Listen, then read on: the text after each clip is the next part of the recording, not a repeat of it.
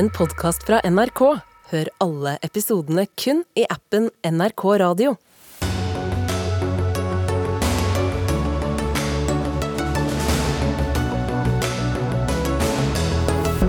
Regjeringen åpner for storstilt oljeleting også nord for Wisting-feltet. Da finnes det virkelig ingen vilje til å nå klimamålene, konkluderer Natur og Ungdom. Rødt vil at foreldre skal måtte søke kommunen for å få lov til å gi barna sine hjemmeundervisning. Sånn kan vi ikke ha det, mener lederen i Norsk hjemmeundervisningsforbund. Den svenske regjeringen har hasteinnkalt til pressekonferanse om Nato. Sverige er nå lengre unna medlemskap enn det de var.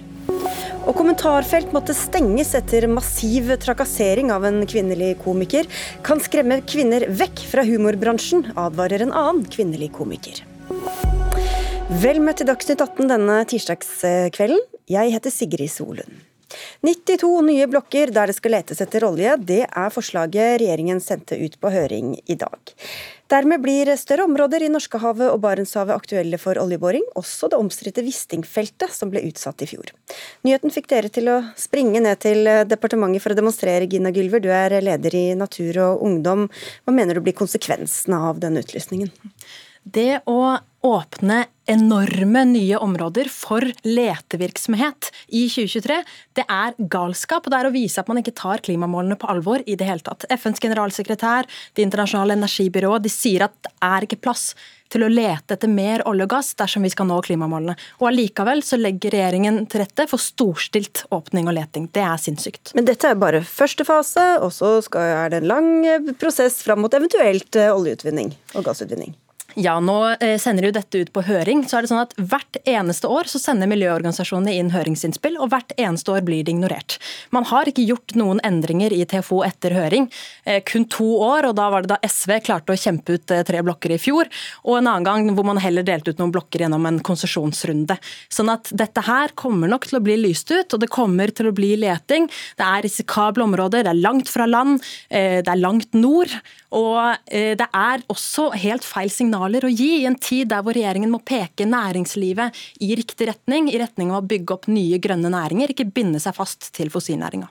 Før stortingsvalget sa Jonas Gahr Støre at hvis Arbeiderpartiet vant valget, skulle klimakrisen prege hele hans gjerning. Er dette en del av det, Andreas Bjelland Eriksen, du er statssekretær i Olje- og energidepartementet? Ja, absolutt. Vi har to enorme kriser på bordet vårt. Energikrisen og klimakrisen. Og vi må klare å løse begge to samtidig. Og vår rolle skal være å være en langsiktig, troverdig, forutsigbar energipartner for Europa. Måten å gjøre det på, det er absolutt å bygge opp de nye næringene. Være med å gjennomføre havvindsatsing, CCS-satsing, andre viktige fornybarsatsinger. Men det er òg å videreutvikle vår rolle som olje- og gassleverandør til Europa, og det bidrar denne runden til. Så dette skal bidra til å løse klimakrisen?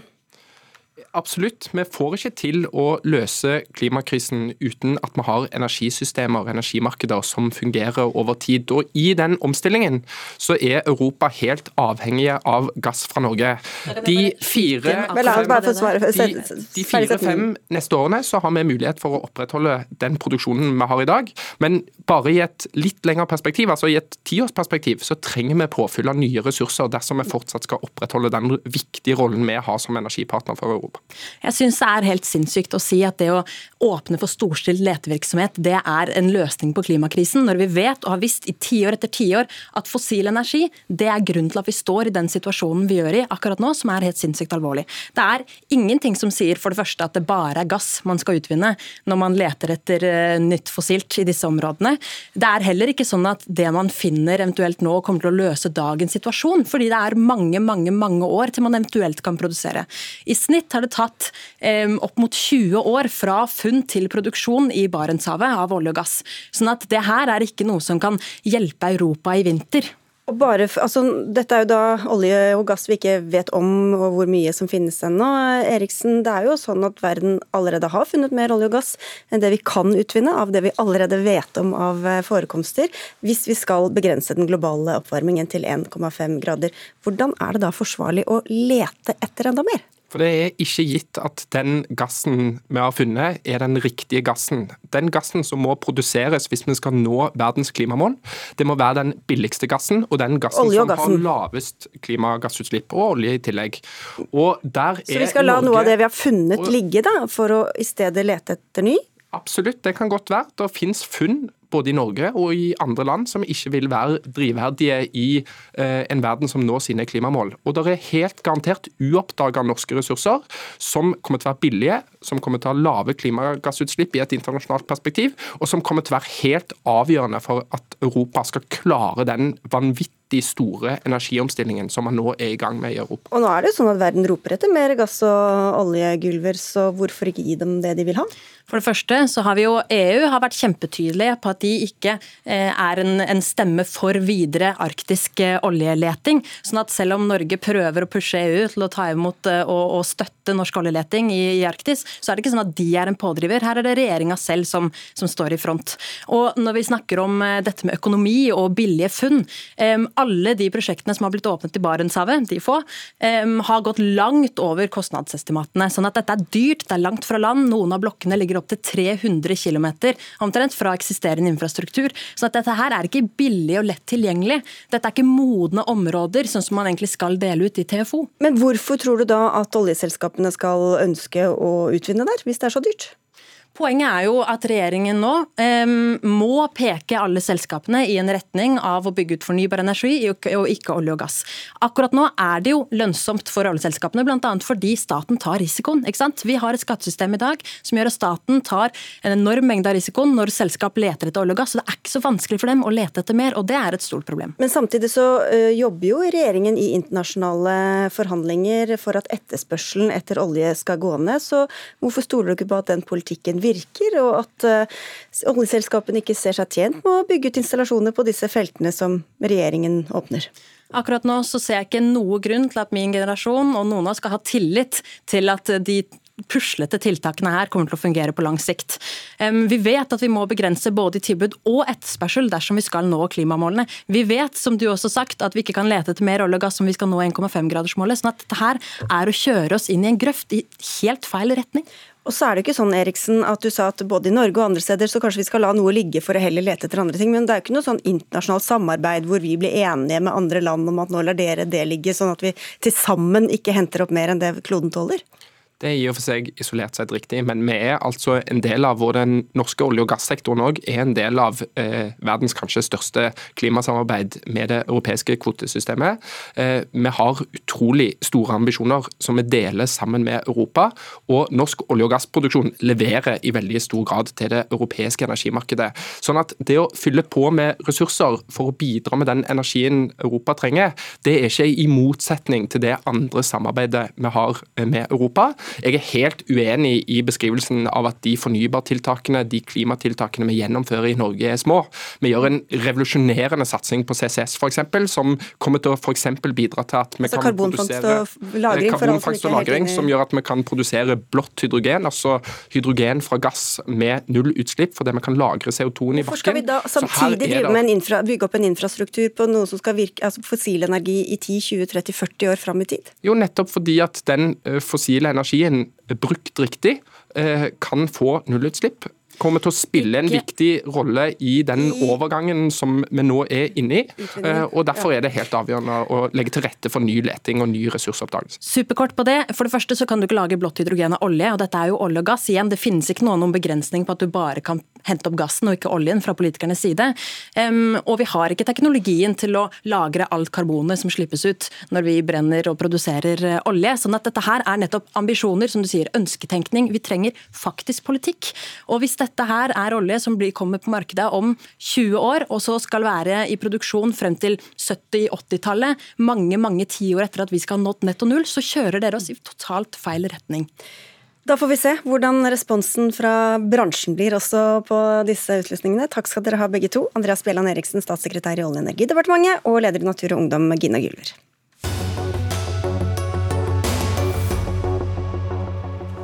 De aller aller fleste barn i Norge tar på seg sekken sin hver morgen og rusler eller kanskje springer til eh, skolen, men hvert år er det også et eh, par hundre barn i snitt som blir værende hjemme for å bli undervist av sine egne foreldre. Det kan det være mange grunner til, f.eks. mobbing, skolevegring eller dårlig tilrettelagt undervisning. Da plikter kommunen å føre tilsyn med hjemmeundervisningen, men som Aftenposten har avdekket, tilsynet er mangelfullt. Nå vil dere skjerpe inn, og i tillegg ha en ordning der foreldre må søke kommunen for å få undervise barna hjemme. Hegeba Nyholt, du eh, sitter i utdannings- og forskningskomiteen, lederen faktisk for, Rødt på Stortinget. Hvorfor er en sånn ordning nødvendig?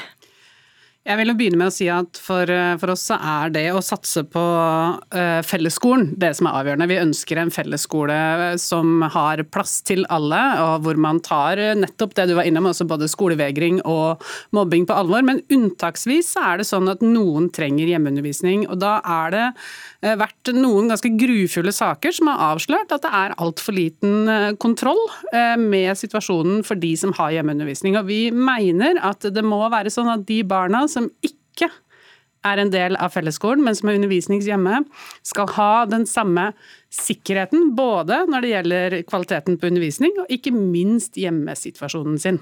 Så en godkjennelse i forkant eh, mener dere er på sin plass? Ja. Jeg bare konkluderer det, ja. for det var, det var det du sa. Hanna Hilte, du er leder for Norsk hjemmeundervisningsforbund og har undervist altså barn hjemme selv. Hva syns du om en sånn søknadsordning? En sånn søknadsordning er problematisk av flere grunner. Um, men eh, en hovedgrunn er, eller to hovedgrunner er eh, at de fleste av de barna som har hjemmeundervisning i dag, det er, har det pga. Eh, etter, etter f.eks. Altså det som heter ufrivillig skolefravær, skolevegring. Um, og i slike situasjoner så er det veldig ofte at familien kommer i konflikt med skolen. I små kommuner er skolen og kommunen veldig tett, så det vil si altså at man skal søke til den samme etaten eller samme institusjonen som man er i konflikt med. Noen tilfeller har det jo til og med gått så langt at skolen har meldt familier til barnevernet eh, i den type konfliktsaker. Njalt. Ja, jeg er klar over at det er en sår og sårbar situasjon for veldig mange av de foreldrene som velger dette, men allikevel så er det sånn at barnets beste og barnets rett til undervisning må ligge til grunn, og da må man finne andre måter eh, å sikre det på. Hvis det ikke er mulig å samarbeide i en liten kommune som du skisserer, ja, så finnes det andre nivåer eller muligheten for anking.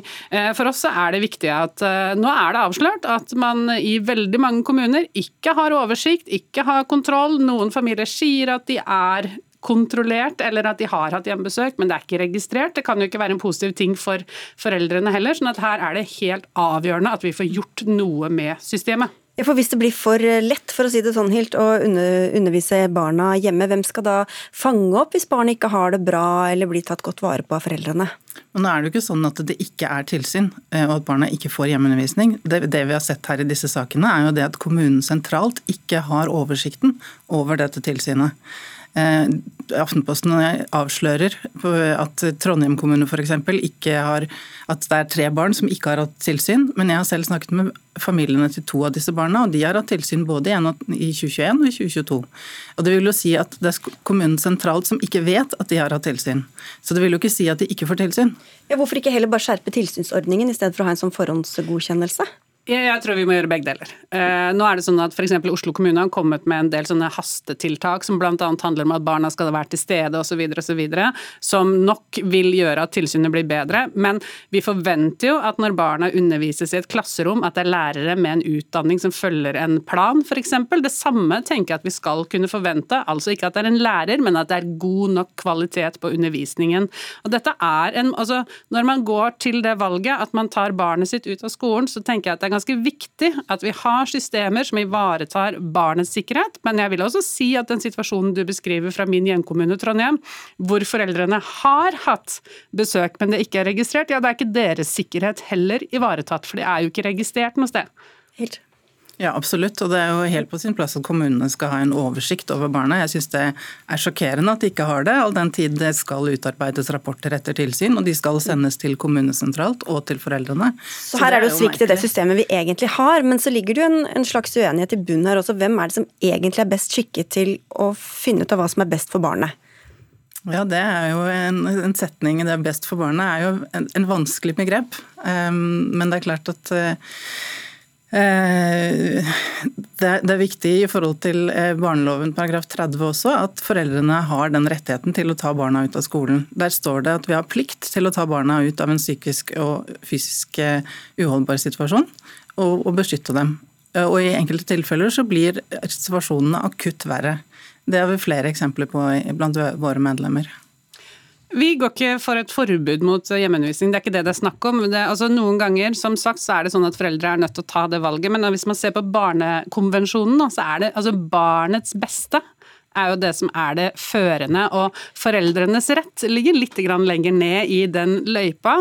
Og eh, det skal jo være sånn at eh, skolen har flere mandater. Det ene er det rene undervisnings mandatet. I tillegg så kommer hele den biten som handler om dannelse, det å øve seg på relasjon, øve seg på å finne plass i gruppa, og ikke minst, jeg vet det er svikt, men ikke minst at man har ansatte som har muligheten til å fange opp de barna som ikke har det bra. Og det har vært flere saker også hvor barn har blitt undervist uten læreplaner osv. Og, og det er jo ikke god nok kvalitet. Men det som virkelig bekymrer meg, er jo sånn som den saken fra Bergen. Helt. Det er jo en sjokkerende sak. Og det handler om kommunalsvikt, og det handler om omsorgssvikt. Det er jo det er ingen som er imot, altså, mener at det ikke er en veldig alvorlig sak. Eh, men de aller fleste eh, Unnskyld? Nei, nei, nei, jeg bare pustet. Veldig høflig av deg. De færreste gjestene er så observante. Eh, nå kom jeg litt ut ja, du kom ut av det. Jeg skal bare stille et siste spørsmål til Nyholt. Hva skal en sånn forhåndsgodkjenning, hvordan skal det fungere? Hva skal man se etter? Hva avgjør om en forelder er god nok, skikket nok til å undervise barn hjemme eller ikke? Nå, er, nå, ligger det jo ikke noe konkrete forslag på det her, så det her er jo noe som man på en måte er nødt til å se nærmere på. Men jeg vil jo kunne skissere at man både bør ha en begrunnelse og ikke minst et slags pedagogisk rammeverk, opplegg, som, som sier noe om hva denne undervisningen eh, skal handle om. Men det viktigste som vi må ta på alvor, er at eh, sånn systemet er i dag, så er det ikke godt nok. Kan jeg få si, avslutte også, fordi eh, det var jo et forslag i NOU 2019-23 at det skulle bli søknadsplikt. Eh, de hadde ikke hørt noen hjemmeundervisere før de lagde det forslaget. Kunnskapsdepartementet i sitt forslag gikk bort fra det. Det var etter å ha hatt 60 høringssvar som svarte på hjemmeundervisningsspørsmålet, og etter et grundig høringsmøte med oss og KS. Så kom det altså på bordet igjen etter å ha blitt lagt i skuffen eh, fra dere i Rødt, eh, hvor du eh, er politiker, stortingspolitiker Hege Bae Nyholt. Takk skal du ha, og takk til deg, Hanna Hilt, leder for Norsk hjemmeundervisningsforbund.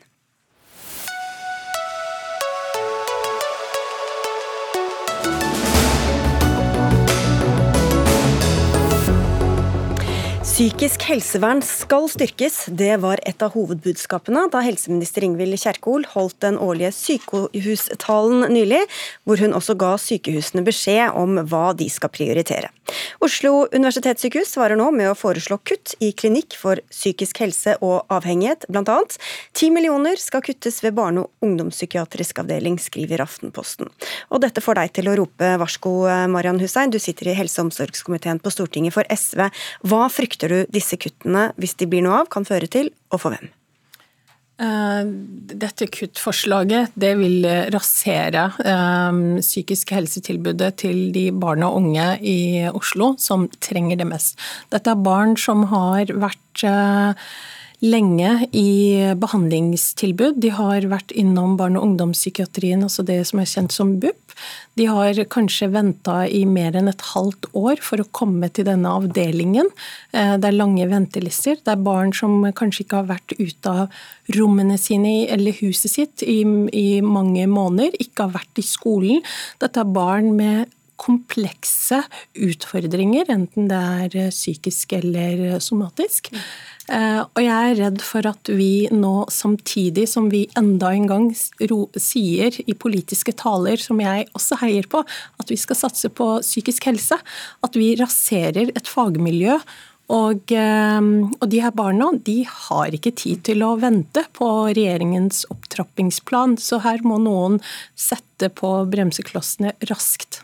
Vi har invitert sykehuset selv, eh, som er i en prosess, og viser til eieren, som er dere i Helsedepartementet, der du er statssekretær Karl Christian Bekeng. Dere ba om at tilbudet innen psykisk helsevern skulle skjermes, og så kommer det sånne nyheter som dette, som ifølge de ansatte kan gå utover de sykeste barna. Hvordan henger dette sammen? Det henger sammen med at vi opplever en stor pris- og kostnadsvekst eh, som rammer alle sektorer. Det merker folk hjemme på lommeboka si, og det merkes også i sykehusene og i alle andre sektorer, som sagt. Og da Selv om eh, vi har økt sykehusbudsjettene, så får vi mindre igjen på krona. og Det betyr at eh, selv om også Klinikk for psykisk helsevern i, ved OUS får mer penger neste året, så får man gjort mindre for de pengene man har. Og så er det sånn at Når da statsråden har gitt et tydelig signal om at psykisk helse særlig skal vernes, så gjør også OUS i denne prosessen det slik at de legger på litt ekstra på psykisk helse, slik at de i mindre grad rammes enn andre deler av sykehuset. Men er dette i tråd med den eh, beskjeden som eh, helseministeren ga? Ja, Helseministerens beskjed var tydelig at her må vi se eh, hvordan vi eh, på alle områder i sykehusene kan gjøre ting med eh, færre folk, for vi får færre eh, helsepersonell fremover. og Det vi ser på psykisk helsevern ved OUS i Oslo, er jo at de, selv om de får mer penger, må klare seg med færre folk. Og Noe, annet av det, noe av det handler jo om f.eks. bruk av innleie. Det å redusere den innleiebruken som man har hatt på alle sykehusene. Men noen skjerming kan det vel ikke kalles? Det er en skjerming, fordi i forhold til alle andre Eh, felt på sykehuset, så vil psykisk helse bli vernet i særlig grad. Altså Det de ansatte i Oslo universitetssykehus forteller, og i denne avdelingen forteller, at sykehusledelsen sier at vi må spare fordi vi skal bygge et sykehus. Eh, Oslo universitetssykehus kunne kanskje hatt et annet, eh, en annen måte å drive på eh, hvis det ikke hadde vært for altså at de samtidig skal spare egenandel til det nye gigasykehuset, som ingen vil ha. Men en annen ting Noen vil jo ha det, men bare, bare for å ta det først som sist, Beking, for dette har vi diskutert diskutert mange ganger. Er det i det hele tatt aktuelt? Det er jo riktig som Marian Hussein sier, at det er noe av det de tillitsvalgte sier, at det skyldes dette nye sykehuset. Er det aktuelt å se på det på nytt? Det nye sykehuset er helt nødvendig, også fordi det å samle aktiviteten okay, på psykisk helsevern f.eks. Ja. vil kunne gjøre et bedre tilbud for også barn og unge i psykisk helse. Okay. Altså, vi har ganske store utfordringer innenfor psykisk helse. og eh, Regjeringen sier at de skal komme med en opptrappingsplan. De har satt ned et utvalg som skal se på de mest spesialiserte eh, psykiske helsetjenestene. Men samtidig så raserer vi tredjelinjen, altså det mest spesialiserte. Dette er så å si siste skanse for eh, et behandlingstilbud som disse barna trenger. Og det fagfolk forteller, altså Senest i går traff jeg tillitsvalgte i psykiatrien i i Nordland sykehus. Det psykiatrien roper nå varsko om, er at vi kan ikke spare mer på bekostning av fag. Vi bruker utrolig mye ressurser på å rasere og bygge opp gang på gang, og det går utover menneskers eh, livskvalitet. At det er stramme budsjetter, det skal ikke jeg nekte for. Det er den pris- og kostnadsveksten som rammer alle sektorer. Men det er 2500 eh, årsverk i klinikk psykisk helse i Oslo. Og den effekten av de endringene som gjøres nå, gjør at man eh, ikke er på et verre nivå enn man var for to år siden. Så noen rasering er det ikke snakk om? Noen rasering er det ikke snakk om. Det er snakk om endringer som også er nødvendig for å bedre pasienttilbudet. Altså Vi ser at de store ventetidene nå, det er på poliklinisk behandling. Altså de som behandles på dagtid. Og det å ikke kunne se på endringer også også internt innenfor den klinikken for å få ned ventetidene, vil også være uansvarlig i den situasjonen vi er i nå. Og Sykehusene kutter vel ikke fordi de har så veldig lyst, men fordi de må inn de budsjettene de har, som dere har vært med på å vedta. Hva annet men, skulle de gjort da? Altså, Vi har en finansieringsmodell som også Riksrevisjonen har sagt flere ganger, som ikke eh, ivaretar de myke tjenestene som psykisk helse, som føde- og barselomsorg. Sånn at Én ting er jo på en måte hva vi vedtar og hva Stortinget vedtar av statsbudsjetter, men når de politiske føringene, når talen til eh, helseministeren ikke når til de avdelingene som trenger det, så har vi et stort systemproblem som heter eh, eh ansvarspluralisering og helseforetaksmodell. Og jeg frykter for hvilket helsetilbud vi kommer til å stå igjen med i Oslo. Fordi det her handler om barn og unges liv, og seks måneders ventetid er også ekstremt mye allerede. Og det er, Politiske føringer er veldig viktig. og Som et resultat av de politiske føringene som er gitt av statsråden, så er det psykisk helse og fødetilbudet, de klinikkene, som også da får et ekstra påslag i den prosessen som nå er. Så der vil det være mindre effekt av det som foregår nå. Ja. Men, eh, men, hvorfor ikke ha Nå er det ikke noe sånn konkret alternativ fra Marian Hussein her, men vi har ikke alltid hatt den samme modellen. Eh, hva er galt med å gå tilbake til et system der politikere er mer hands on i hva som faktisk prioriteres og ikke innenfor budsjettene? Det er flere utfordringer med det. Det ene er jo at det ofte er et faglig spørsmål hva som er riktig. Altså en Politikernes eh, preferanser burde ikke nødvendigvis være det som eh, gjør at vi velger det og det faglige tilbudet innad en klinikk f.eks. på da 2500 ansatte. Eh, et annet moment her er jo at man ser at for, så lenge denne modellen har vart, de siste 20 årene, så har man for først, altså, klart å investere i mye større grad enn det man klarte før. Man klarer å bygge nytt. Det klarte man ikke før. og Det er også veldig viktig for å kunne uh, møte en fremtid hvor det er færre personell å ta og bruke. Fagfolkene i Oslo universitetssykehus de opplever ikke at de blir lytta til. og Akkurat nå så er det faktisk de klinikkene som tilbyr den mest spesialiserte psykiske helsetjenesten for barn og unge, som har vært gjennom en pandemi og som har kjent på kroppen hvordan det er å være isolert eh, i sine egne hjem. Det er de som betaler den høyeste prisen. Budsjettet er ikke helt ferdig riktig ennå, så får vi se om det blir som det har stått i Aftenposten, eller om det blir noen endringer. Takk skal dere ha for at dere tok denne runden, Marian Hussein fra SV og statssekretær Carl Christian Becking.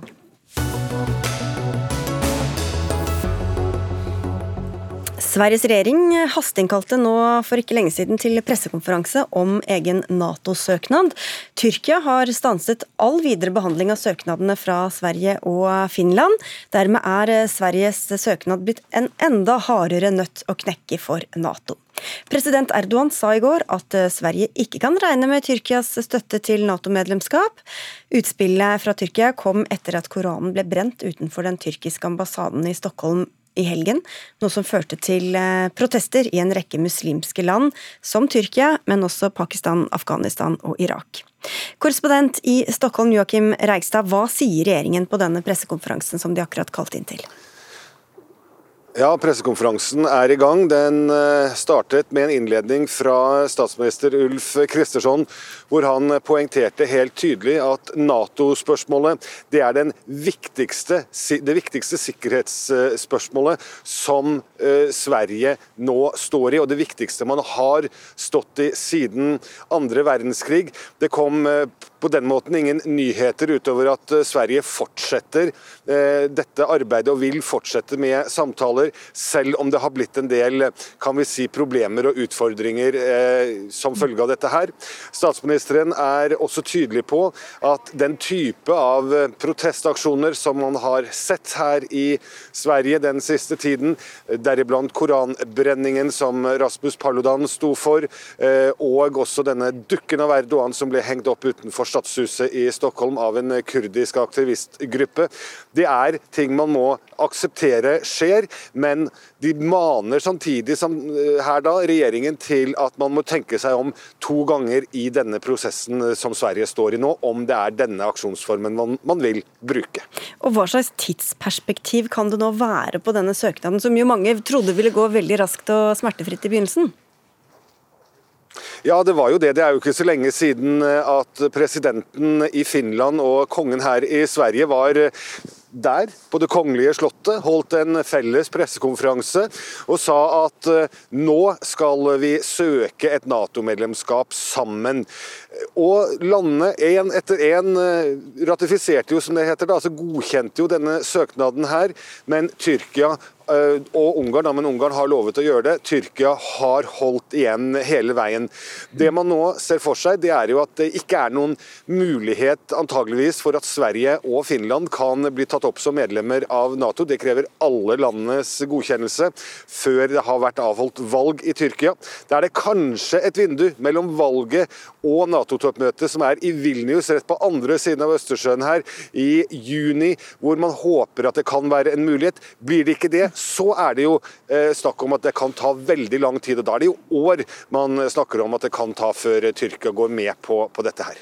Mye pga. det som skjer der du er, altså også Marit Befring, du er korrespondent i Istanbul. Hvor fastlåst vil du si denne konflikten er mellom Sverige og Tyrkia nå?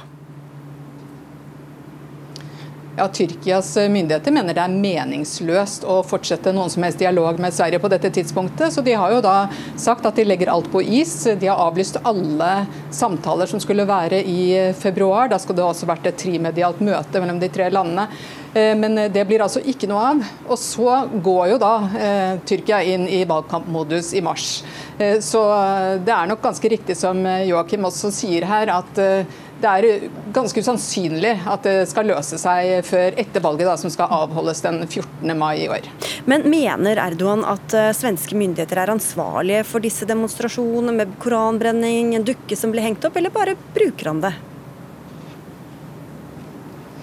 Altså, han mener jo eh, at de kunne stoppet det. Det er de som har tillatt disse demonstrasjonene. Eh, og Hvis du ser på hvordan eh, ytringsfriheten er her i Tyrkia f.eks., så skal det jo ikke så mye til da før de slår ned på noe. Så De forstår ikke og mener også at det er på en måte en Det er ikke å respektere Koranen at man lar sånne ting skje, som denne koranbrenningen. Så det har absolutt skapt ondt blod. og Her mener altså myndighetene i Tyrkia at her var de advart. Her burde eh, regjeringen i Sverige ha grepet inn før koranbrenningen skjedde. Marianne Riddervold, du er forsker ved NUPI. Nato er jo ellers veldig opptatt av å framstå som samlet, særlig nå selvfølgelig i eh, krigen eh, i Ukraina. Hvordan virker alt dette mm, rundt Tyrkia, og særlig Sverige, da, inn på denne, denne alliansen? Ja, Nato er opptatt av å fremstå samlet, og man forventet jo også helt fra tidlig av at dette skulle være en ganske rask prosess. Altså Jens Stoltenberg var tydelig på at eh, han regnet med at dette ville kunne gå fort. Så det var vel få som så for seg at Tyrkia skulle kunne eh, sette ned foten på denne måten. Eh, nå har det jo vært noen andre uenigheter mellom Tyrkia og Nato tidligere. Eh, men eh, at dette er veldig utfordrende for Nato, og absolutt noe ikke verken USA eller de andre allierte eller eh, Natos generalsekretær ønsker seg, er helt, helt sikkert. Mm. Morten Myksvold, du er kommentator i Bergens Tidende og kjenner godt til Tyrkia. Vi hørte om de siste og tidligere provokasjoner eller hva skal vi si, uenigheter mellom Tyrkia og Sverige. Hva, hva tror du er vanskeligst for Erdogan å gå med på? Altså, det handler først og fremst om, om tidspunktet for når han kan gå med på noe. Eh, det er valg i juni, eller om det faktisk blir flytta fram til, til, mai. I, I, det tidsrommet fram til president- og parlamentsvalget er det nok uaktuelt å, å, å, se for seg at Tyrkia kommer til å gå med på noe som helst. fordi på heimebane vil det nesten uansett hva Sverige eh, gjør, så vil det uansett se ut som en, en uh, gir seg i møte med PKK. Og Det er umulig for Erdogan å gjøre. Han har basert seg på nasjonalistiske velgere.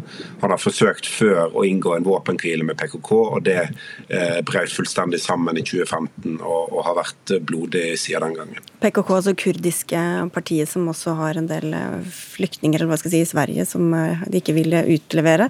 Riddervold, finnes det en måte for Nato å komme rundt Tyrkias krav? Ikke helt, noen av de direkte kravene som stilles eh, mot Sverige her, er det vanskelig for Nato. Altså Nato som organisasjon kan jo ikke gjøre så veldig mye. Dette er eh, diskusjoner mellom Tyrkia og Sverige og Finland, og man inngikk jo en sånn memorandum of understanding, en avtale, i fjor sommer om hva Sverige og Finland skulle gjøre for å imøtekomme Tyrkia sine krav. Og noe av det som Tyrkia krever, er jo bl.a. å få utlevert en del personer som de som, eh, anser som terrorister. Men det er klart at eh, Sverige er jo et demokrati og en rettsstat. Og hvorvidt disse menneskene utleveres eller ikke, er det ikke opp til bare en regjering å bestemme. Dette er noe som domstolen beslutter om kan gjøres eller ikke. Og det skal vi også være glad for, tenker jeg, at disse prinsippene opprettholdes og ikke tilsidesettes for sikkerhetspolitiske hensyn, noe som også er helt umulig i selvfølgelig å gjøre i Sverige, og som statsministeren nå også, også understreket. Så det er jo ganske, på en måte ganske stor forskjell på, kanskje på forventningene eh, i, i, Tyrkia og hva Sverige faktisk kan gjøre. Eh, hvor Tyrkia er et land som er et autoritært system. Man, demonstrasjoner er ikke noe man tillater hvis ikke de er til støtte for, eh, for myndighetene. Men Sverige ser jo på dette på en helt, helt eh, annen måte. Hvordan bruker Erdogan dette nå da, Myksvold?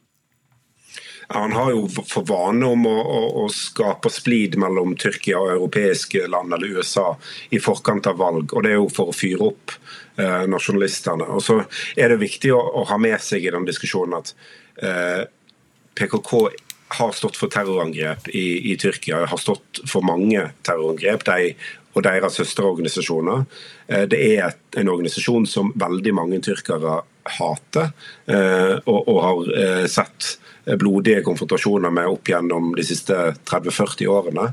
Eh, og Det er selvfølgelig provoserende for de å se PKK-flagg vaie i, i, Stockholm og andre europeiske byer, så skal det også sies at Tyrkia har en veldig bred definisjon av hva de ser på som terror eller terrorsympatisering. Eh, så de som blir forsøkt utlevert Eh, de, de, de, mistenker jo ikke de for å ha stått bak terrorangrep, men de, det å støtte PKK kan være nok i, i Tyrkia for å, å bli fengslet. Og så Marit Befring, Hva vet om hvordan eh, vanlige tyrkere ser på svensk medlemskap og også de demonstrasjonene og det som har skjedd i Sverige? Altså, han har fått ganske bred støtte. Kanskje overraskende nok eh, så er det veldig mange som mener at Sverige ikke har gjort nok, og de mener at Erdogan har rett i sine krav om å ønske disse 130 personene som han nå har snakket om. Dette har jo gått nesten inflasjon i de tallene uh, utlevert. Og, og de, de, de, mener her at at han gjør rett i å, å sette ned eh, foten. Eh, men det er jo riktig som det er sagt. Altså, det er jo domstolene i Sverige som skal avgjøre dette. De har gjort vurdering. og Mange av disse er jo svenske statsborgere. Eh, og det vet nok også Erdogan. at selv om han nå står høyt på disse kravene, så betyr ikke det at han vil få gjennomslag for noen ting. Joakim Reistad, i dag tidlig sa Finlands utenriksminister eh, Pekka Havisto at eh, landet åpner for å søke om medlemskap uavhengig av Sverige. De har jo tidligere vært veldig opptatt av at de skal gå inn i dette sammen. Og så kom det en liten kontrabeskjed seinere på dagen. Hvor, hvem er det viktigst for å få Nato-medlemskap av de to landene?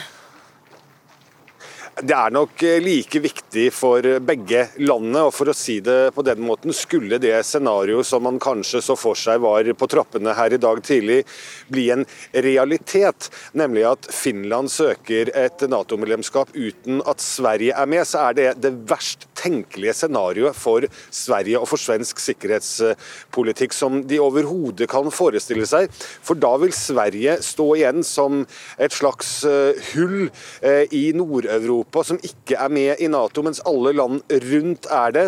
Eh, og da vil svensk sikkerhet være veldig truet, så de er man selvfølgelig meget bekymret for.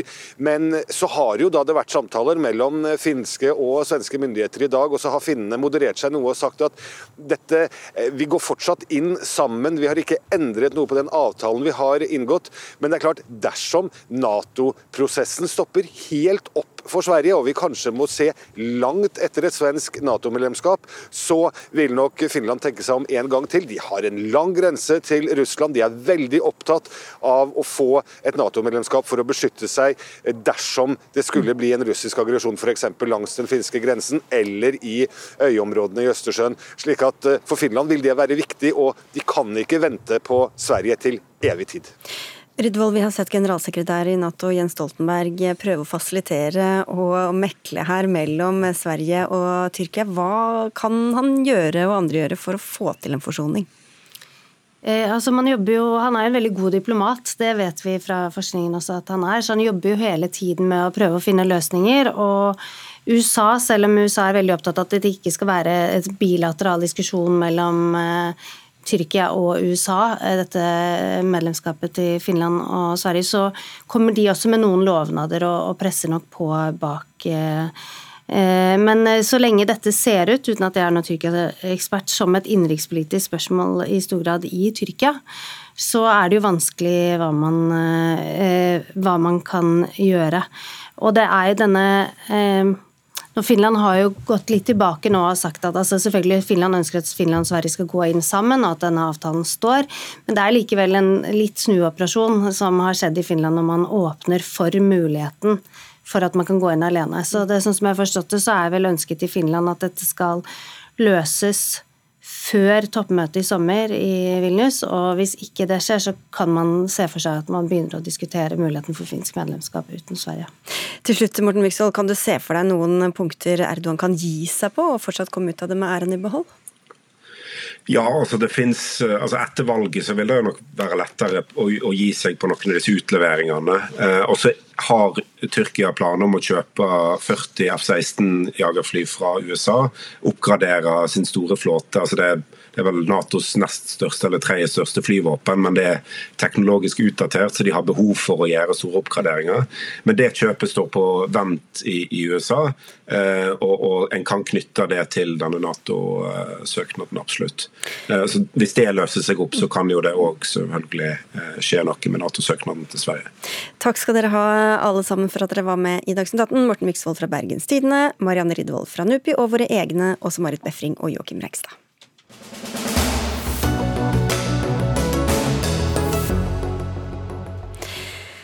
Det rant over av hets og trakassering i kommentarfeltet etter at komiker Marta Leivestad deltok i programmet Rikets roast på VGTV i helgen. Den tidligere NRK-profilen jobber nå i VGTV, og i likhet med flere andre komikere så sto hun på scenen i programmet og roastet komikerkolleger, altså fornærmet dem på en humoristisk måte. Denne gangen var det særlig VGTV-profil Erik Follestad som fikk kjørt seg, men da kanalen etterpå delte videoer fra sendinga, måtte kommentarfeltet stenges under Leivestads video som den eneste. Leivestad har av naturlige grunner ikke så veldig lyst til å snakke mer om dette selv akkurat nå, men Martin Beyer-Olsen, du er komiker, har holdt på med humor og underholdning i nærmere 20 år. 30-40-50 år. Du var sammen med henne da dette kommentarfeltet måtte stenges. Hva var det folk skrev som gjorde at det ikke gikk å holde åpent lenger? Altså, De skriver jo Det, går jo rett på altså, utseende og, og, bare det å være kvinne, altså kjønn, øh, gjør det. Og det som er dumt med det, er jo at dette er jo et klipp som Eller det, det er ikke ment for å liksom provosere noen, det er kun mer for å spre glede. Så den, det går liksom ikke an å få kritikk for kun det man driver med, men bare gå rett på utseendet og blabbedi-bla langt ned i det mørke hølet. Det var jo flere som jeg nevnte som var med på dette. Det gikk jo på omgang. Var det noe hun gjorde spesielt som var provoserende? Å ja, ja, ja. Hun var jo flink. Eh, hun var veldig morsom, og hun, eh, igjen, det mest provoserende er at hun er kvinne. Så det er bare det, dessverre, altså. Hvordan var det å lese det? der? Hvordan opplevde dere det? Nei, det nei, det er, det er Internett er jo et sort hull, altså. Eh, og det som er trist, er jo at det er dette anonyme liksom, greiene med det, som er Det, det går ikke an å ta til orde på, på, noe av det. Så da, da, må man bare stenge, da. Frida Omlung, du er komiker og holdt på med standup i tre-fire år. Hva sier denne saken utover dette ene at i denne saken klarte ikke folk å oppføre seg i det hele tatt? Ja, altså det som slo meg først, er jo at Martha står der med veldig sånn big dick energy. på en måte. Det er jo kjempeprovoserende eh, hvis man ikke har det selv, kanskje. Eller hvis man eh, ikke tør å gjøre ting selv, da, som man drømmer om, kanskje. Så det er jo litt sånn typisk å si sånn ja, de er bare misunnelige, men jeg tror det er litt det, altså. At hun står der og er helt sykt kul og bare sier Og når man går opp på en scene eh, for, i en sånn anledning som det, eller på standup, så sier man jo 'jeg er morsom', 'jeg syns jeg selv er morsom'. Og det er jo sikkert ganske Ja, det er det sikkert ganske mange som blir provosert over, tror jeg. Vi har med deg også Sofie Frøysa, du er komiker og holdt på med standup i ti år. Hvordan er det annerledes å være kvinnelig komiker på en scene enn mannlig? Nei, For det første så blir du jo presentert som kvinnelig komiker. Eh, det er veldig viktig å eh, vet ikke, forberede publikum på det. Jeg har aldri hørt at noen har sagt det om en mann. Men jeg tror nok at eh, det handler dypest sett om at det skal så lite til for å bryte med de kjønnsnormene som er så innmari etablert i samfunnet. Altså, vi ser jo at Hvis en kvinne prøver å være morsom og ta det rommet som Eh, på mange måter er skapt av menn og for menn, så er det provoserende for noen. Eh, det skal ikke mer til enn at en mann drar på byen, har på seg neglelakk og han blir banka opp. Eh, jeg tenker at dette er jo nok et tegn på at vi som samfunn har svikta. Du driver to humorfestivaler, Martin Beyer-Olsen, og mm. sier også til oss at du kan se forskjell når det kommer en dame opp på scenen kontra når det kommer en mann. Eh, ja, jeg syns jo dessverre det. At det er du, Man merker det litt fortsatt. Så vi har jo en vei å gå. Og så må vi jo bare prøve så godt vi kan å gjøre det til et hyggelig og trygt sted. Fordi igjen, spesielt på en scene, så er det, det er forumet på å prøve å være morsom. Eh, så eh, ja, nei, vi må bare jobbe på. Men hvis vi skal tilbake til dette uh, eksempelet fra Øsso, så var det, Leivestad var ikke den eneste kvinnen på scenen. Mia Hundvin var der også. Hun fikk ikke den samme hetsen. Hva er det som trigger så veldig av enkelte, i hvert fall kvinnelige komikere, da? Uh, i det jeg har konkludert med gang på gang, er at du kan på en måte ikke vinne. fordi hvis du er litt sånn elevrådsleder og tante Sofie, som meg sjæl, eh, så er du vanskelig, og eh, du skal ikke komme her og tro at du har noe viktig å si. Og hvis du er litt sånn eh, rå og kul som Martha er, da, og på en måte er, i mangel på bedre uttrykk, en av gutta, så er det også provoserende. Jeg føler at det eneste vi kvinner kan, som ikke er så provoserende, uh, gjøre, det er å være søte og snille og pyntelige. Og si ikke at Mia Hundvin er det, men hun er jo heller ikke komiker. Som en gang du går ut og sier at du er komiker, så er det noe provoserende med det. Sånn som Frida sa også, da sier du indirekte at jeg er morsom. Hvordan har du merka det, Humlung? Nei, det er jo Man har litt mer å bevise. Jeg tror mange blir på en måte skuffa hvis de ser en jente gå på scenen, at det er sånn ah, jenter er ikke morsomme. Og det er en holdning som veldig mange har. Både ubevisst og bevisst, og uttalt. Eh, så man må på en måte motbevise det da, som første ting man gjør. Og så eh, begynne å på en måte prøve å få folk til å høre på hva man sier. Eh, sånn at, og, og det er jo jeg synes det er en fordel også noen ganger at det skal mye mindre til som jente å provosere. Jeg kan si mye mindre drøye ting og så blir folk sånn oh, det var skikkelig drøyt. Så det kan man jo bruke til sin fordel, men eh, noen ganger er det jo ikke til en fordel. da. Og jeg har jo fått beskjed om eh, vi skulle filme noen greier. Så hadde jeg noen vitser om sæd, hvor jeg snakker om hunden min sædet. Og da fikk jeg beskjed om at det burde jeg ta bort, fordi det ble litt mye da. Og det syns jeg er rart når det er standup som, er som er på en måte settingen, og med tanke på hvor mye runking vi har hørt om fra menn da, i mange år. Herre Olsen, hva er det du kan tillate deg som uh, kvinner ikke kan, tror du? Uh, altså, Poenget er ingenting, men det er jo lettere eller Det er litt sikkert litt som blir sagt her, med forventningene. Hva er det en mann er liksom ment å gjøre utpå der? Det er jo og kanskje ja, i utgangspunktet være mer høylytt. Da. Så Utgangspunktet er at man kan dra det enda lenger.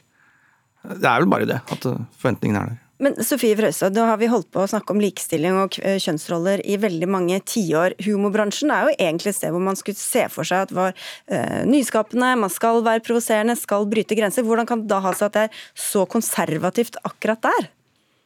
Åh, men det er jo overalt. Eh, jeg tror jo at denne eh, kjerringa bak rattet-mentaliteten lever i beste velgående altså overalt. Eh, så jeg tror nok altså det handlingsrommet er mindre. og Vi må bare fortsette å snakke om det. Vi må snakke om det til flere har innsett at uh, dette er noe som skjer. og uh, nå, Sist jeg hadde standup, så var det faktisk en av mine mannlige kolleger som reagerte på at uh, noen andre mannlige kolleger satt og prata veldig mye under showet, og at han la merke til at de snakket jo veldig høyt da det var kvinner på scenen. og det er jo noe med å bli bevisst på det også, at flere ser at dette er noe som skjer. At det er ikke For det er en ganske utakknemlig kamp å stå og skulle eh, kommentere det gang på gang alene. For vi er ofte eneste kvinne, kanskje to, men det er viktig å spe de utover, så ikke man er for mange kvinner på samme kveld og sånn. Leivestad hun takket sjøl Erik Follestad, som gikk ut og kjefta på sitt eget publikum. Eh, Martin Beyer-Olsen, eh, hva tror du det har å si at også mannlige komikere er ute og sier at det her er faktisk ikke greit i det hele tatt? Eh, jo, er ikke det egentlig bare vanlig høflighet, da? Men jeg syns det er veldig bra at Erik eh, gjør det. Han kommer jo da fra, altså, fra sporten, da. Så, jeg, og det er kanskje en fordom, men samtidigvis ganske behøvelig bevist også. At det er en ganske macho kultur da, som eh, jeg syns at han eh, svarte veldig bra på, om å få med seg alle andre. Jeg gleder meg til å høre hva Mats Hansen har å si. Jeg har ikke hørt et knyst fra ham. men er det gitt, Humlung, at man får den støtten? Eh, nei, det er jo ikke det. Det er jo litt som Sofie er inne på også, at det kommer litt an på hvem Altså Sigrid Bonde Tusvik får jo veldig mye hat. Hun er jo kanskje litt strengere, så det er, eh, det er vanskeligere å på en måte jeg, jeg, tror ikke hun får like mye støtte alltid, da. Eh, ja, og så er det jo noe med at det, så er jo som du sier, sånn, det er jo vanlig høflighet. Er jo, vi, er jo, vi, vi, føler jo at vi er en gjeng, eh, og at vi støtter hverandre. og eh, selv om man er mann eller dame, men det er jo også noe med at man på en måte da må legitimere debatten. Skjønner du? At det liksom dette er, en, dette er en viktig debatt, fordi se, menn er også med på den. ja, for det blir ikke ordentlig før mennene deltar. Nei, eller jeg vet ikke. men, men eh, altså, det var ikke Ja, du jo, jo, jo, jo, men det er jo litt sånn vi har menn, og så har vi kvinnelige utgaver av menneskearten. Mm. det er jo mange som slår ring om eh, Leivestad i dag, Sofie Frøysa. Hvem andre kan gjøre noe med det, tror du? Oh, um, jeg tenker alle, men uh, en del av løsningen, tror jeg, for å skape mer mangfold og at man ikke blir så veldig uh, overraska når det kommer en kvinne på scenen, um, eller at man i hvert fall har litt andre forventninger. Er, jeg tror det ligger mye makt i um, altså dette med uh, hvem som blir castet, for det første. Eh, hvordan kanalene fremmer de ulike komikerne. Hva er det? Fordi det er jo noe med at eh, de må oppdra oss som publikum hva vi har å forvente og hva, hva vi skal synes er gøy. De legger føringer eh, og er ganske toneangivende deretter. Så jeg tenker at der ligger det ligger mye av løsningen. Um, og så må vi bare snakke mer da, om sexisme. Snakke om hvordan det her ja, dessverre lever i beste velgående. Men er det på scenen at du merker det? Du nevnte jo det med pratinga i stad. Eller er det først og fremst når du, når du åpner eh, de sosiale mediene at det kommer? um, jeg opplever det uh, på begge steder. Altså både liksom når jeg går av scenen, uh, da er det gjerne en melding, eller uh, på sosiale medier. Og det skal jo ikke så mye mer til enn å bare si meningen sin høyt, så får du høre det, da. Hva slags signaler sender sånne saker? Sånne saker som vi har hatt nå, da, til de unge jentene som har lyst til å prøve seg på standup?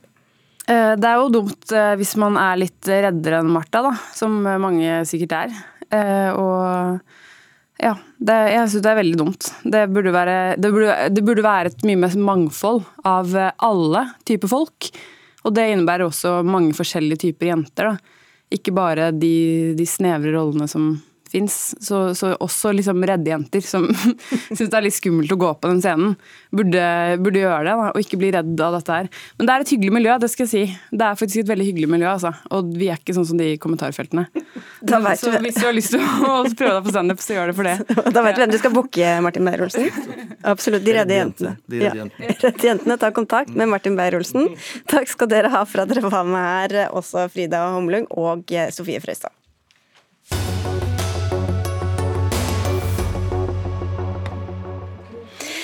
Oslo Arbeiderparti presser enslige unge ut av boligmarkedet i hovedstaden. Denne kraftsalven kommer etter at flertallet i Oslo Ap i helgen vedtok å opprettholde leilighetsnormen, som sier at i fire av byens 15 bydeler der skal det ikke bygges boliger på under 35 kvadratmeter, og at tre av fire leiligheter i nye prosjekter skal være på over 50 kvadrat.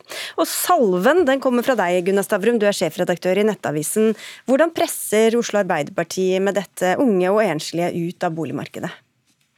Det er ganske lett å forklare. For For hver kvadratmeter leilighetene blir større, så blir de 90 000 kroner dyrere.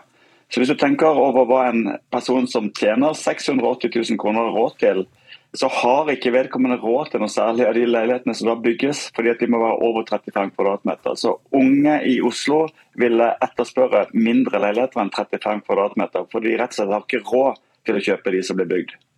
Hvis de skal det, så må de altså ut av eh, det mest sentrumsnære områdene. Agnes Nærland Viljugrein, du er styremedlem i Oslo Arbeiderparti, førstevara til Stortinget og nestleder i bydelsutvalget i Gamle Oslo. Det var jo uenighet eh, hos dere i Oslo Arbeiderparti. Ditt syn eh, vant fram, men hvor lurt var det, da, når vi hører hva det får å si? Nei, Jeg tror eh, det synet som vant er helt riktig. Vi trenger en leilighetsnorm i sentrum fordi vi trenger varierte boliger. I dag finnes det masse eh, små boliger i de fire mest sentrumsnære bydelene i Oslo. Men det vi mangler, det er store boliger som familier kan bli boende i. Og det ser vi at går ut ved f.eks. skolemiljøer hvor eh, de som begynner i første klasse sammen, ikke er noen av de samme som går ut av sjuende klasse, fordi det er så høy utskiftning i nabomiljøer. Så i Oslo så trenger vi variert boligbygging, og det er et politisk politisk ansvar som Oslo Arbeiderparti også må ta. Det er helt åpenbart at vi trenger unge inn på boligmarkedet. Det må vi jobbe med på mange måter. Men jeg mener at vi ikke samtidig kan si at det eneste unge skal ta til takke med, det er enda trangere, mindre dårlige boliger. Og så er det vel sånn Stavrum, at Jo mindre leilighetene, jo dyrere er det per kvadratmeter også? Jo, men det er ganske marginale forskjeller. Jeg merker meg at både Obos, Selvåg Ungdommens boligbyggelag, alle som har stått for sosial boligbygging i Oslo etter krigen, alle er helt enige om at vi må fjerne denne normen for å få bygge flere billige boliger for unge og enslige forsørgere.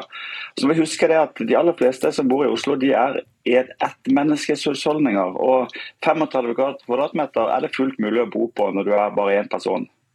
Ja, og så kan man jo heller flytte hvis man blir to, eller hva vil du altså, I dag så kan du bygge under 35 kvadratmeter i 11 av 15 bydeler i Oslo. Så for det første så er det jo ikke sånn at det ikke er mulig å bygge.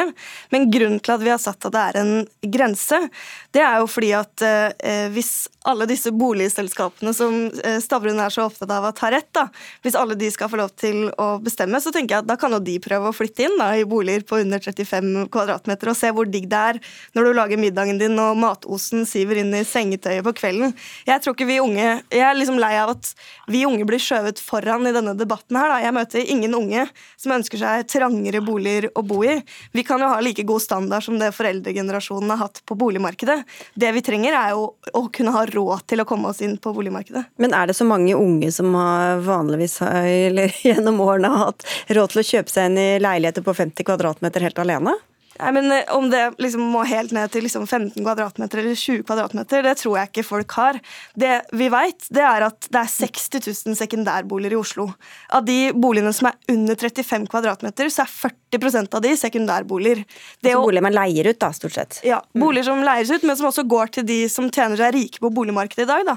Av de 400 rikeste i Norge, så har 107 av dem tjent seg rike på eiendom. Og jeg mener at det Stavrum tar til orde for, det er å åpne for en boligpolitikk som gir mer til bolig haiene og mindre til oss unge. Stavrum. Det er fullstendig misforstått. fordi at Grunnen til at mange leier og ikke eier bolig, det er at de har ikke råd til å kjøpe dem. Og Grunnen til at de ikke har råd til å kjøpe dem, er at leiligheten er bygd for dyrt. Så er ikke riktig at jeg vil forsøke å gi Obos og Selvåg og USBL rett. De har rett. De forstår hva som skjer i boligmarkedet. og Det må være et forhold mellom de som bygger ut boligene og de som kjøper dem. Og Hvis det er noen jeg ikke har tillit til når det gjelder å bygge mange billige boliger i Oslo, så er det Oslo Arbeiderparti. Og jeg synes det er trist at eh, byrådsleder Raymond Johansen tapte denne kampen. For det var litt fornuft som kom tilbake når han da ville oppheve hele normen. Så forsvant all fornuften, Viljugrein? Overhodet ikke. Oslo Arbeiderparti har vært med på å regulere over 20 000 boliger i Oslo de siste årene. Og vi må fortsette å bygge boliger, men det går an å ha flere hensyn her samtidig. Både nok eh, boliger, eh, men også at vi får ned prisene på andre måter. Det handler jo f.eks. om å bygge flere studentboliger og flere borettslagsboliger som faktisk er til for vanlige folk. da. Mens det vi ser med de minste boligene, det er at det blir sekundærboliger for de aller rikeste. Ja, Det er vel ikke de som bor der, da, men Stavrum, du er vel ellers bekymra for gettofisering av områder også. Hvorfor gjelder ikke dette i dette tilfellet, hvorfor tror du ikke det vil føre til det? Fordi at eh, Hvis de da etterkommer den, eh, dette kravet og opphever normen, så vil jo disse boligene fortsatt koste 3-4 millioner kroner. Det er jo ikke sånn at du får gettofisering av at en sykepleier har råd til å kjøpe en bolig i sentrum. Eh, men det som er litt håpløst, er at, at Villegren her har lyst, til, har lyst, på så mye, men hun kan ikke trylle. Og I bunn og grunn så ligger det i hva det koster å bygge boligene. Og de blir dyrere jo større de er. Og da er det ikke vits å bygge boliger som ikke folk har råd til å kjøpe. Så vil jeg bare nevne at Snittstørrelsen på nye boliger i Oslo er over 100 kvadratmeter. Du kan gange det med 90 000, så ser du hvorfor det er veldig mange som ikke får tak i bolig her. Oslo er jo veldig stort, da. nå snakker vi om det som er i sentrum, men Viljugrein er vel bedre å ha en liten leilighet enn å ikke ha en leilighet i det hele tatt? Og igjen, det kan man bygge i 11 av 15 bydeler i Oslo, så dette er et spørsmål om hva slags by vi skal ha i sentrum i Oslo. Der finnes det allerede veldig mange små boliger, men det som er det største problemet, det er tilgang på store nok boliger. Jeg skjønner at Stavrum er interessert i å løpe interessene til boligbyggeselskapene. De har først og fremst ett hensyn, det er å tjene penger på å selge boliger. Men vi som driver med politikk, vi må ha flere hensyn samtidig. Vi må bygge gode bomiljøer, vi må ha nok boliger, og vi må gjøre det sånn at unge kan komme seg inn på boligmarkedet. og det er flere ting å ta hensyn til samtidig. Jeg vil gratulere deg med at du ikke klarte noen av de. Ikke få deg bygd boliger, ikke få deg bygd boliger og folk har råd til, men dere driver mye politikk. Og så vil jeg bare nevne en ting til. Det er riktig at formelt sett gjelder den normen bare de fire eh, bydelsnære eh, områdene. Men det er altså snakk om godt over 200 000 mennesker, så det ville vært en av Norges aller største byer. Men det er også veiledende for nye prosjekter i de elleve andre bydelene. Det sa MDGs byråd Hanna Markussen. Så ikke lat som om det ikke også blir utøvd politikk i resten av byen på samme vanvittige grunnlaget. ok, Emilie Grønn, ti sekunder. Nei, Vår politikk er at for de fire sentrumsbydelene i Oslo så skal vi ha boliger for alle. Både for unge, som det er i dag, men også for familier. Og for dem rundt i landet som lurer på hvorfor vi snakker om eh, et så snevert, var jo Gunnar Stavrum inne på tallet, og det kan jo sende at noen av barna eller barnebarna deres får lyst til å flytte inn i disse leilighetene, og at etter hvert føles mer relevant. Takk skal dere ha i hvert fall for at dere var med i eh, Dagsnytt 18 som er over for i dag. Gro Arneberg, Vegard Erstad og Sigrid Solund takker for følget. I morgen er Espen Aas her i denne stolen til samme tid og samme sted. God kveld.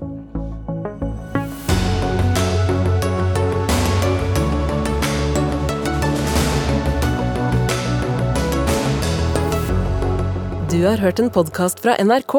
Hør alle episodene kun i appen NRK Radio.